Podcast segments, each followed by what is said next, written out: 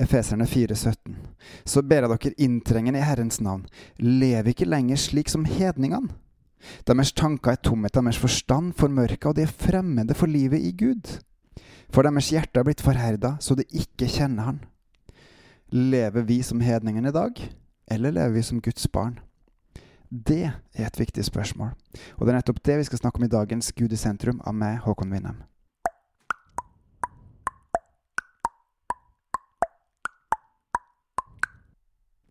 Samtidig som vi er Guds rike borgere, så er vi kalt å leve i verden. Ikke til å være av verden, men leve i verden.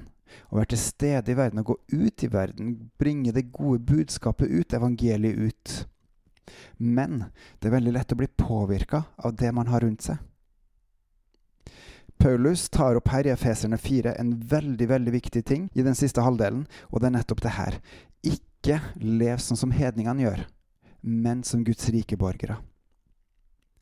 Og legg merke til at han helt i begynnelsen av vers 17 sier Jeg ber dere inntrengende. Hvorfor inntrengende? Hvorfor ber han inntrengende, inntrengende i Herrens navn? Jo, det er rett og slett fare for at man kan gå fortapt. At man mister frelsen. Det står rett og slett om frelsen. Lever man ikke sånn som, Guds, som en Guds rike borger skal, lever man ikke et verdig liv for Gud, så kan man gå fortapt så kan man miste frelsen. Det er helt livsavgjørende at vi følger Han.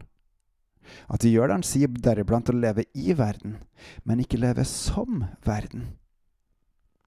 Og andre ting som Paulus her beskriver, at avstumpa er disse hedningene blitt de som har kasta seg ut i utsøvelse, gir seg hen til all slags umoral og jager etter penger. Men Sånn har dere ikke lært Kristus å kjenne, sier han. Og det store, viktige spørsmålet som vi må stille oss sjøl Lever jeg som verden, eller lever jeg som Guds rike borger? Hvordan kan man vite det her? Jo, vi må lese videre fra vers 21. Men slik har dere ikke lært Kristus å kjenne. Dere har jo hørt om han og fått opplæring om han etter den sannhet som er i Jesus. Dere skal ikke leve som før, men legge av det gamle mennesket som blir ødelagt av de forførende lystene. Dere må bli fornya i sjel og sinn, og kle dere i det nye mennesket, det som er skapt etter Guds bilde til et liv i rettferd og hellighet etter sannheten. Ok, Mye teori, kanskje litt vanskelig å forstå, men vi skal legge av oss det gamle, det menneskelige, det jordiske, som er den første Adams natur, hvor man higer både etter det gode og det vonde. Hvor man er opptatt av alt det jordiske og alt det som er til egennytelse eller av andre ting i samme gata. Og så skal man heller ikle seg det nye mennesket. Da vil sjelen og sinnet bli fornya. Og så vil vi søke etter det som gir rettferd og hellighet etter sannheten, det som er av Gud. Hvem er det som skal gjøre dette? Er det vi, eller er det Gud som skal gjøre det i oss? Et viktig og relevant spørsmål. Vi må bli fornya i sjel og sinn. Vi må kle oss i det nye mennesket. Hva er det vi higer etter? Higer vi etter det som er på denne på jorda, eller higer vi etter det som er Guds rike? Hva bruker vi mest tid med? Hva oppsøker vi mest? Hvor oppholder vi oss mest? Er det i det som har med denne verden og denne, de, de tingene som er jorda? Er det der vi bruker mesteparten av vår tid og fokus og oppmerksomhet? Eller er det å oppsøke, påkalle Gud og tilbe Han og bruke timene sånn at Han får lov til å påvirke oss. Den vi setter høyest, er den vi bruker mest tid med. Ok, Vi har forplikta oss til å, jobbe åtte timer eh, per dag. Vi må sove, vi må ha mat. Men av den tida som du råder over sjøl, og også når du er der du er, om du er på jobb eller hvor det er, hva er det vi fyller oss mest med? Hva er vi mest fokusert på? Hvor lengter vårt hjerte og tanke hen? Hvor vandrer det hen? Er det inn mot verden og alt som er på jorda, eller er det inn mot Gud? Hvis det er verden som har brorparten av ens tid og fokus, så er vi nok dessverre blitt altfor påvirka av denne verden. Og det er livsfarlig. Det er evig livsfarlig. Hvis en har en lengsel hjem til Gud, eller hvis en ønsker en lengsel hjem til Gud, så vil en hele tida være der enn at en prøver å oppsøke Gud, prøver å være med han, sette av tid med han, invitere han inn igjen, invitere til relasjon, invitere til å bli påvirka av Gud. Og hvis en syns det er vanskelig, så be han om hjelp. Men Gud ønsker at vi skal oppsøke han. At vi skal gå til han og si, 'Hei, Gud, her er jeg. Jeg vil bli kjent med deg.' Jeg vil bli bedre kjent med det. Jeg vil bli fylt av det. Jeg vil at din kraft skal virke i meg, den som du allerede har gitt oss. Virk i meg, virk i oss, virk i vår familie, virk i vår menighet, virk i vårt område, Gud. Gjør til at vi lengter etter det og oppsøker det og tilber det, og gir deg rett. At vi tilber deg i ånd og sannhet. Relasjon og Hans ord. Ok, hva kan annet kan vi gjøre, da? Greit, vi vet at det er noe vi skal oppsøke hos Gud, men det virker litt sånn svært og vidløftig, og så vet vi at det er noen sånn greier vi skal holde oss vekke fra, som vi ikke skal oppsøke, men heller legge av oss. Da sier Paulus videre i vers 25. Legg derfor av løgn. Tal sant, vær med sin neste, for vi er jo hverandres lemmer. Blir dere sinte, så synd ikke, og la ikke sola gå ned over deres vrede. La ikke djevelen slippe til. Tyven skal ikke lenger stjele, men arbeide og gjøre noe nyttig med hendene sine, så han kan ha noe å gi til dem som trenger det. Ok, her var det en del konkrete tips. Ok, Vi skal ikke lyge, vi skal snakke sant. Eh, og hvis, hvis vi, når vi blir sint, så skal vi ikke synde. Og så må vi sørge for å, å, rydde opp i ting og tang før dagen er over. Og en del av grunnen til dette er jo rett og slett at vi ikke skal la djevelen slippe til. For hvis vi gjør disse tingene av disse jordiske tingene, så gir vi han makt over oss igjen.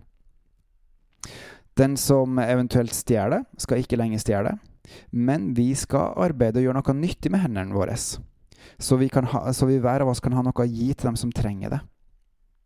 Fordi vi har alle egenskaper, vi har alle muligheter som gjør at vi kan bidra. Og da er det vårt ansvar å bruke det vi har, på en eller annen måte, enten direkte overfor Gud eller på en annen sammenheng. Og av det vi får, så gi vekk, bidra til menigheten skal bygges opp, at Guds rike skal bygges opp. Det er alltid noen som trenger det. Bare tenk på mange kristne som lider for Jesu navn i dag. Videre sier Paulus også, la ikke noe råttent snakk komme over leppene. Si heller bare det som er godt, og som tjener til å bygge opp der det trengs. Så det kan bli til velsignelse for dem som hører på. Ok, Så ikke noe råttent snakk. Det skal vi rett og slett stoppe med. Men vi skal si det som er godt, og som tjener til å bygge opp der det trengs, så det kan bli til en velsignelse for dem som hører på. Så hør hvor mye ord kan enten rive ned og ødelegge, eller løfte opp. Bare tenk på hva Jesus gjorde. Også når han var streng, også når han irettesatte, når han formante som er et vennskapelig hånd rundt skuldra på en venn og si 'Hei, jeg ser du sliter med noe. La meg hjelpe deg.' Det her er kjærlighet. Dette er gode ord som tjener på å bygge opp våre brødre, så det kan bli til velsignelse for de som hører på. Gjør ikke Guds hellige ånd sorg? Med alt det vi gjør, tenker og sier, må vi ikke gjøre det sånn at vi gjør Guds hellige ånd sorg men heller også er med på å løfte opp Han. Hvorfor? For Ånden er det selv dere er merka med, helt til forløsningens dag. Og derfor, slutt med all slags hardhet, hissighet, sinne, skrål og spott og all annen ondskap. Vi skal slutte med alt ondt, fordi at det gjør Den hellige ånds sorg. Ikke nok med at vi setter vår egen frelse i fare, vi kan gjøre Den hellige ånd sørgmodig også. Heller, vær gode mot hverandre, og vis medfølelse, så ikke tilgi hverandre, slik Gud har tilgitt dere i Kristus. Og i den bitte, bitte lille setningen her, så får vi hele evangeliet. For hvordan er det Gud har vist oss sin kjærlighet? Han ga oss det mest dyrebare han har, sin egen sønn Jesus Kristus, for at vi skal ha liv med han. Og gjennom Jesus så får vi tilgivelse for alt det onde vi gjør, både i det gamle livet, men også i det nye livet, hvor vi får hjelp til å vokse med Han til å gjøre det gode, men fortsatt vil gjøre onde ting, vonde ting. På samme måte som Gud har tilgitt oss all vår ondskap, skal vi også tilgi hverandre. Og være gode mot hverandre og vise medfølelse. Gud er hodet. Jesus er Gud, og han er vårt hode på kroppen. Og han er vi underordna. Han står over oss, og han viser oss hva som er sannheten, og hva vi skal gjøre. Han har levd som et menneske, og veit hvordan det er å lese som menneske.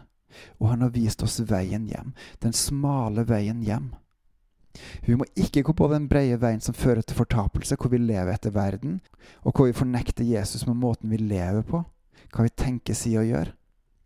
Men vi må velge å følge etter Jesus og legge oss av det gamle mennesket, legge oss av ondskapen, og heller ikle oss det nye mennesket og bli forvandla, fornya i sjel og sinn, sånn at vi lever et liv i rettferd og hellighet etter sannheten, etter Guds sannhet.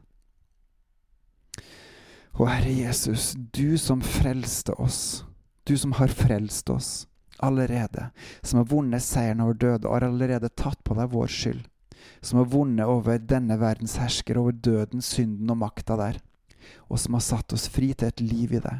Fortsett å leve i oss, fortsett å virke i oss. Takk for den krafta du allerede har gitt oss, og at vi skal få lov til å leve med den, den krafta som reiste deg opp fra de døde for snart 2000 år siden.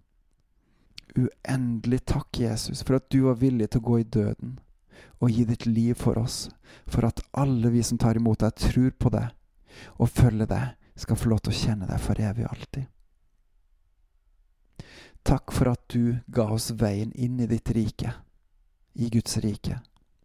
Må vi også vokse i ditt rike ved hjelp av deg, Den hellige ånd, som bor og virker i oss, og som lærer oss opp til å følge deg, som fyller oss med din kjærlighet, visdom og glede og fred og frihet og absolutt alt som er verdt å leve for.